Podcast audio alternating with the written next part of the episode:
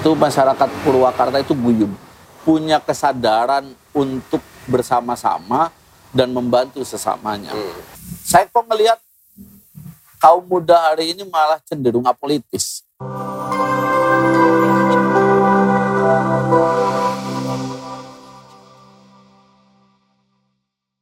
Bahan terbesar bagi manusia untuk langkah atau untuk berbuat itu adalah teologi dan ideologinya, keyakinan, faith.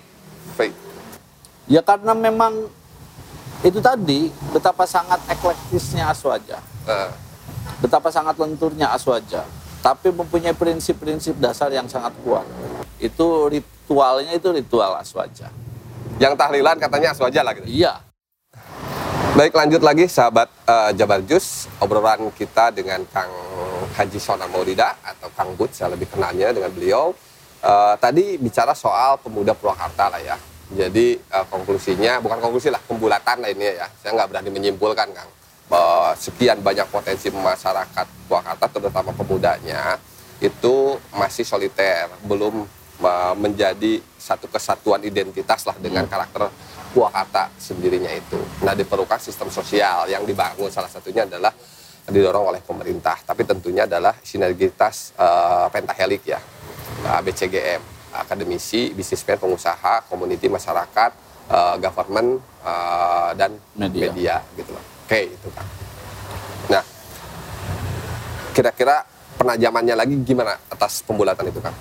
saya pikir memang harus dibuatkan eh, tempat yang representatif. Ini model salah satu model yang bisa dijadikan sebagai pilot sesungguhnya KP KP ini ini. untuk dijadikan model Kreatif sebagai Space gitu. creative space, terus community space, sehingga terjadi interaksi dari berbagai komunitas kaum muda di Purwakarta untuk bisa memberikan kontribusi maksimal. Dan di sini bisa digodok berbagai macam isu terkait dengan bagaimana kaum muda bisa memberikan kontribusi yang maksimal dan out of the box sesuai dengan pemikiran mereka Hmm. kekinian ini saya berharap memang ini menjadi salah satu pilot eh, class agar tempat model seperti ini itu bukan hanya menjadi tempat nongkrong dan ngobrol tanpa makna, Hmm.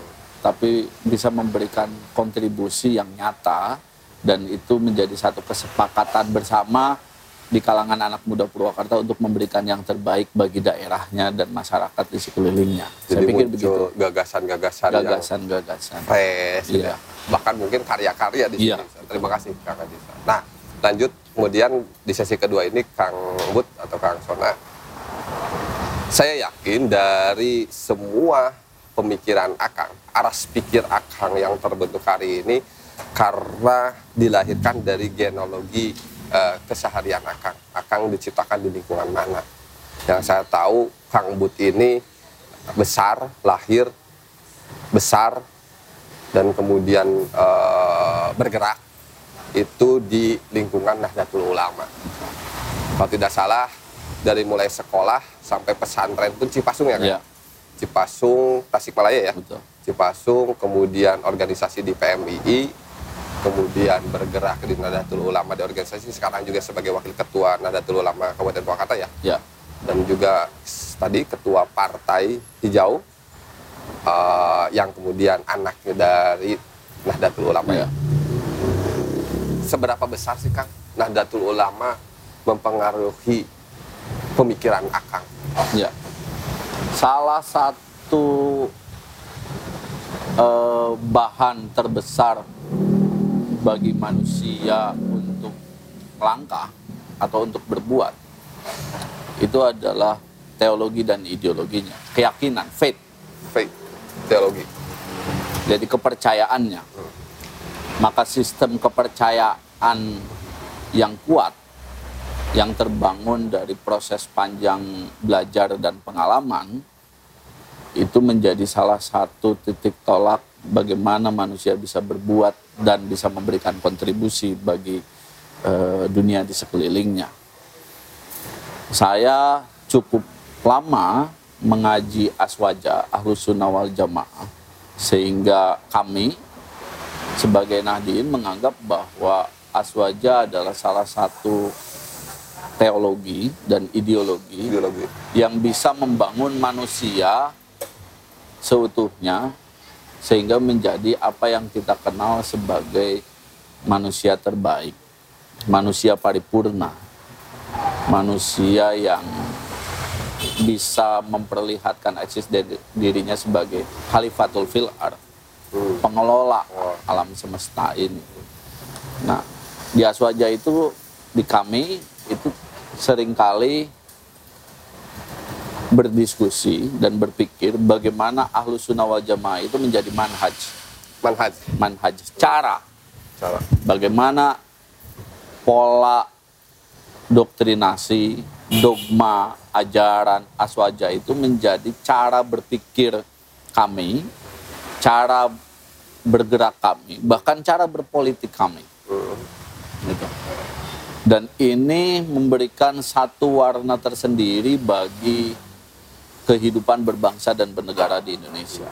Sudah teruji semenjak lama bahwa berpolitik, bergerak ala aswaja dan berpikir ala aswaja ini itu menjadi salah satu sentrum masyarakat Indonesia yang mengakomodir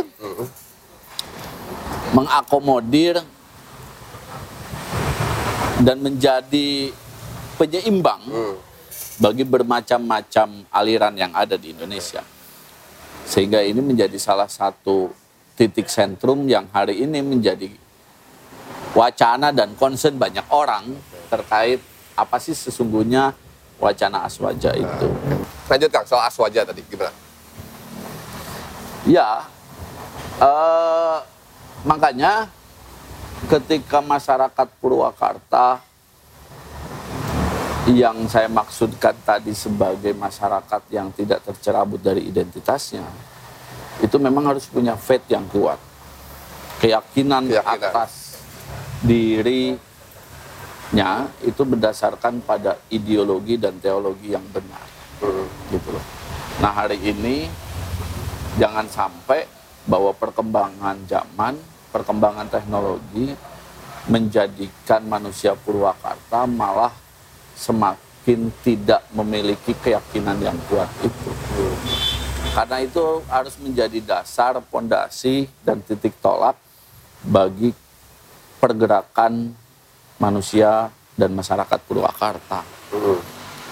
Karena saya sangat mengkhawatirkan sekali apabila kaum muda hari ini ini tidak memiliki titik tolak dan pondasi yang kuat sehingga akan mudah terombang-ambing oleh berbagai macam wacana Hmm. apalagi ideologi yang ujungnya berujung pada gerakan yang notabene itu tidak berbasis dan tidak mencerminkan identitas kita sebagai masyarakat Purwakarta. Nah, artinya bahwa ada dalam so- apa pada saat kita berkarya juga harus ada landasan keyakinan yang kuat. Tuh. Akang menawarkan dalam hal ini bahwa aswaja adalah jalan yang terbaik. Secara simpelnya, Kang, kan kalau masyarakat itu pasti melihatnya apa sih yang ditawarkan yang paling mudah, yang paling kena gitu loh ya ke masyarakat, yang ditawarkan sehingga masyarakat memilih as manhaj dalam bergeraknya itu aswaja gitu loh. Yang simpelnya apa sih gitu? Dalam wacana sosiologi kita mengenal ada yang disebut dengan teori antroposentrisme transendental. Oke. Tapi dalam aswaja kita mengenal ada segitiga relasi yang memang manusia dengan manusia, manusia dengan alam dan manusia dengan Tuhan. Hmm. Nah, sinkronisasi dan eh, keberlangsungan tiga hubungan ini, Hmm. Apa saja ya manusia dengan manusia, Ya, manusia dengan alam dan manusia dengan Tuhan. Oke. Itu harus berjalan seiring tanpa menafikan unsur yang lain. Oke.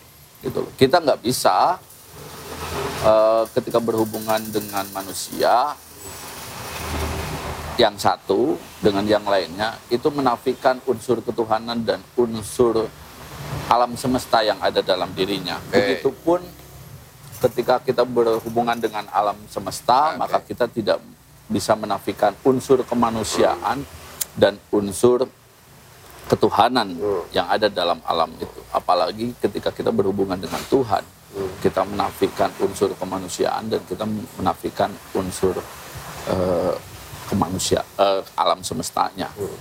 Nah, ini relasi ini harus menjadi pemahaman yang membangun kesadaran bagi masyarakat Purwakarta agar bahwa eksistensi dirinya itu tidak berdiri sendiri, Hmm. tapi diadakan dan diberikan ruang dan tempat Hmm. oleh Yang Maha Kuasa untuk memberikan kontribusi yang terbaiknya. Oke, itu nilai spiritualisnya kan, Betul. aswaja. Nilai eh, apa ya? Bukan nilai prag, kalau pragmatis mungkin terlalu kasar. Apa ya? Nilai sosiologis. Nilai sosiologisnya, Kang. Ya. Nilai sosiologis maksudnya begini. Oke, spiritnya seperti itu. Bahwa dalam aswaja eh, manhaj aswaja memberikan eh, ruang bahwa manusia itu bisa secara apa namanya transendensial dengan Tuhan itu demikian apa namanya luas mungkin ya Ya. demikian luas lah saya berani bilang demikian luas tapi nilai sosial sosiologisnya Ya. yang ditawarkan dalam aswaja itu bagi masyarakat apa sih Kang sehingga aswaja ini bisa menjadi pilihan yang tepat Ya. khususnya dalam konteks Purwakarta Ya. dalam membangun Purwakarta atau dalam menjadi jati diri seorang masyarakat Purwakarta gitu loh ya itu apa sih yang ditawarkan dari Kalau misalkan kita memahami bahwa ajaran agama, doktrin agama dan dogma agama sebagai makosidu syariah, bahwa maksud dari aturan-aturan dan ajaran-ajaran keagamaan itu sesungguhnya itu dimaksudkan untuk manusia sendiri. Apa yang kita kenal dengan usulul khomsah itu. Bahwa semuanya ini itu termaktub dalam usulul khomsah itu eh, nilai dasar manusia, lima nilai dasar manusia. Yang pertama adalah hibdun nafas, bahwa seluruh aturan dan lain sebagainya itu adalah menjaga kedirian manusia, eksistensi kemanusiaan. Yang keduanya itu ihdul maut, menjaga eh, keberpunyaan Hmm. seorang manusia atau eh, barang harta benda dan terus hibdun nasl terus hibdul fikr menjaga keberpikiran. Terus hibdun nasl itu adalah menjaga keturunan. Oke. Nah, nah itu bagian dari usulul khomsah sebagai eh, implementasi pada sisi eksistensi kemanusiaan. Nah, dalam sisi komunitas, hmm. maka kita mengenal nilai-nilai, jargon-jargon seperti tawasud, tawajun, tasamuh, dan lain sebagainya. Artinya bahwa aswaja itu berperan pada penyeimbangan, keseimbangan, bagaimana melakukan keseimbangan. Terus bagaimana aswaja concern terhadap persamaan hak dan lain sebagainya. Terus aswaja bagaimana mengedepankan keadilan dan lain sebagainya. Nah itu adalah prinsip-prinsip aswaja dalam konteks sosiologis. dan juga aswaja mengenalkan soal bagaimana mengenai keberagaman juga ya. iya, Jadi tadi ya persamaan hak, keberagaman, kemudian tadi apa? Eh, tawasud, tawajun, tasamu, tasamu, gitu ya. tadel, gitu. itu yang ditawarkan oleh Iya, aswaja dan itu berelasi berkorelasi ya berkorelasi eh, tepat dan momentumnya tepat dengan kondisi masyarakat hari ini secara Ya. luas. Misalkan bahwa kan global bukan globalisasi saya bilang bahwa ruang kreasi masyarakat hari ini itu kan di- dihadapkan bahwa semua orang bisa berhubungan, in touch, berhubungan, bisa mengenal, bisa memperoleh informasi apa pun tanpa dibatasi gitu. Nah, Aswaja menawarkan bahwa itu korelasi dengan Aswaja di mana kemudian orang juga untuk bisa menghargai persamaan hak, menghargai keberagaman dan lain-lain itu memang korelasi tepat dengan kondisi yang sekarang. Maksudnya begitu gitu Betul. ya. Gitu kan? Nah, aswaja kalau misalkan aswaja sebagai manhajul fikr, sebagai cara kita berpikir, maka ma- dengan cara aswaja kita bisa melakukan filterisasi itu. Hmm. Jadi seluruh wacana, seluruh informasi dan lain sebagainya itu oleh aswaja bisa difilterisasi Hmm. sehingga kita menjadi alat penyaring tersendiri, mempunyai alat penyaring tersendiri terkait dengan berbagai macam wacana dan informasi yang masuk ke diri kita agar kita tidak mudah terombang-ambing Hmm. oleh wacana, oleh ideologi dan informasi yang menyesatkan.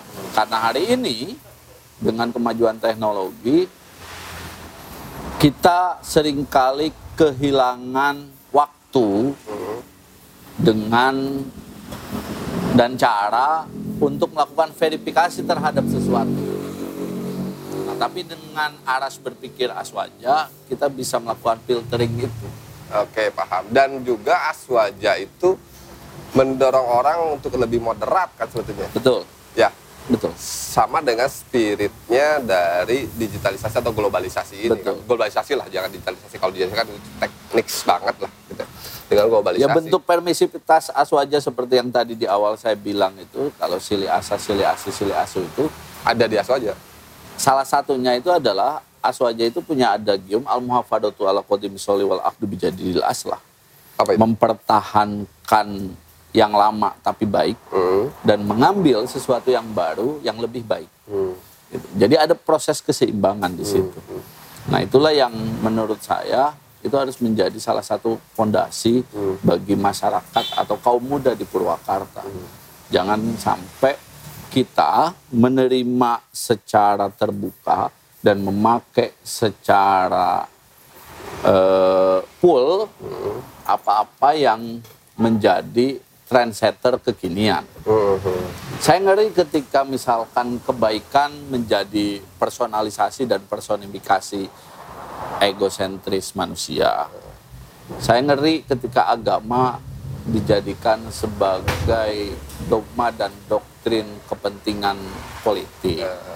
Gitu.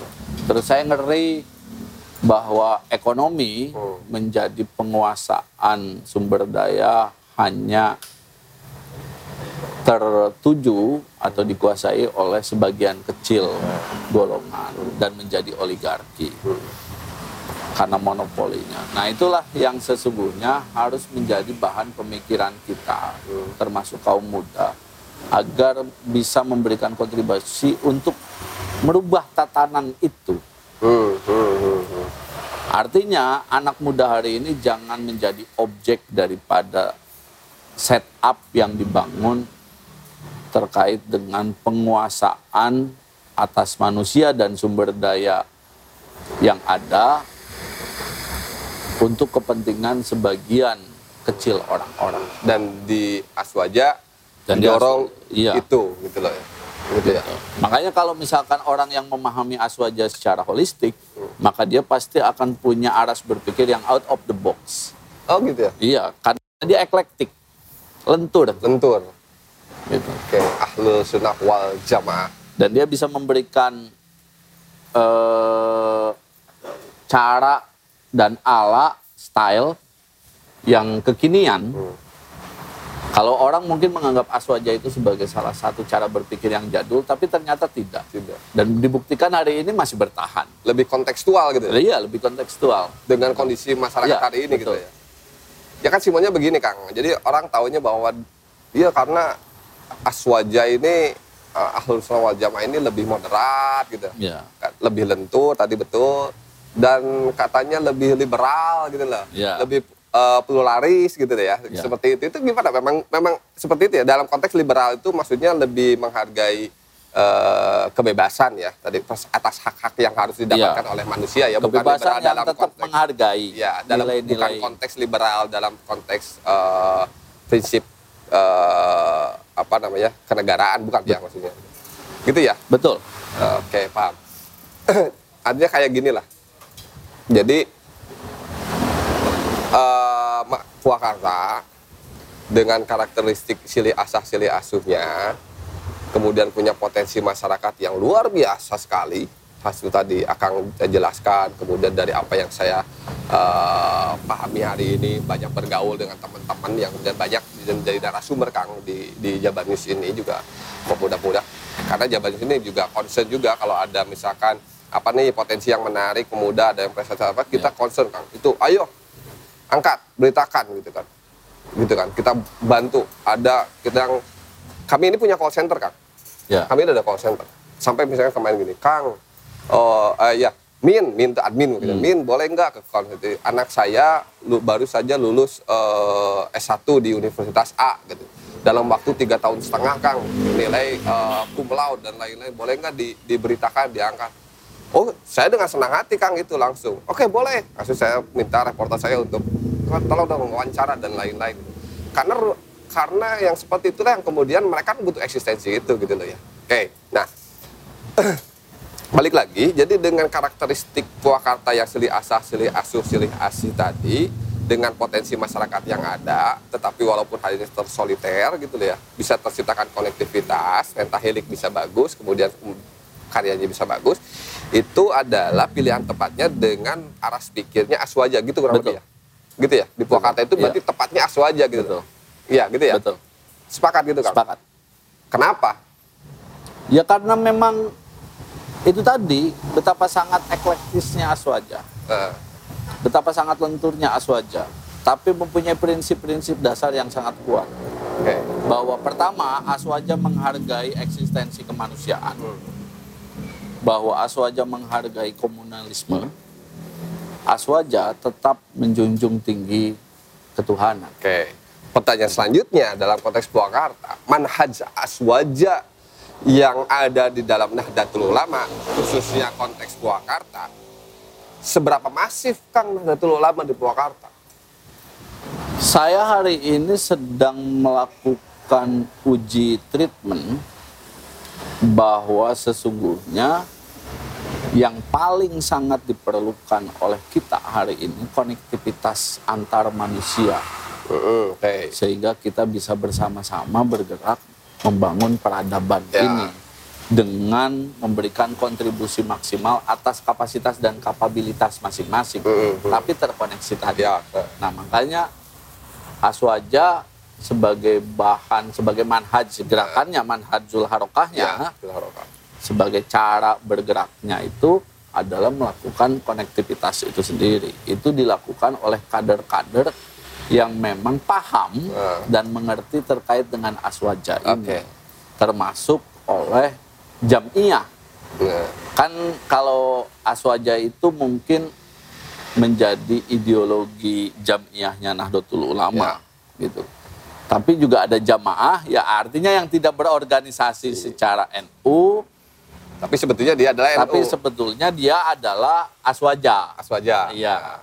Artinya dia mengamalkan Eh, secara cara-cara peribadatan dan sosial ala Aswaja. Eh, Nah itu harus ditingkatkan menjadi bukan hanya cara sosial, bersosial atau beribadahnya saja, tapi harus ditingkatkan menjadi cara berpikir dan cara bergerak.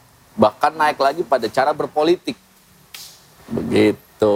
Nah pertanyaan saya tadi Kang, jadi apakah akan menganggap hari ini sudah seberapa masif atau memang sudah masifkah Nahdlatul Ulama di Purwakarta? Atau Ginilah caranya, poinnya lah. Gitu. Saya baru melakukan tes gerakan, Baru ma- baru melakukan tes gerakan bahwa dengan treatment konektivitas ini, eh, mudah-mudahan tercapai apa yang kita anggap sebagai kesepahaman bersama. Oke, itu kualitas, kan? Konsesi komunitas. ya itu kualitasnya. Betul, betul. Maksud saya itu secara kuantitasnya dulu deh. Secara kuantitas jumlah hari ini Aswaja Nahdlatul Ulama di Purwakarta memang sudah menjadi mayoritas nggak di masyarakat Purwakarta kan? Kalau secara Berani jamiah menilai ya. gitu nggak? Kalau secara jamiah ya. Mayoritas di Purwakarta kan? Iya. Mayoritas di iya. Purwakarta. Hanya Apalagi belum- kalau misalkan secara jamaah. Oke. Artinya secara kan gini. salah satu organisasi masyarakat yang berbasis keagamaan Hmm. yang hari ini kepengurusannya sampai ke tingkat desa bahkan RT RW itu kan hanya NU di Purwakarta. Yang Yang lain belum ada, Oke.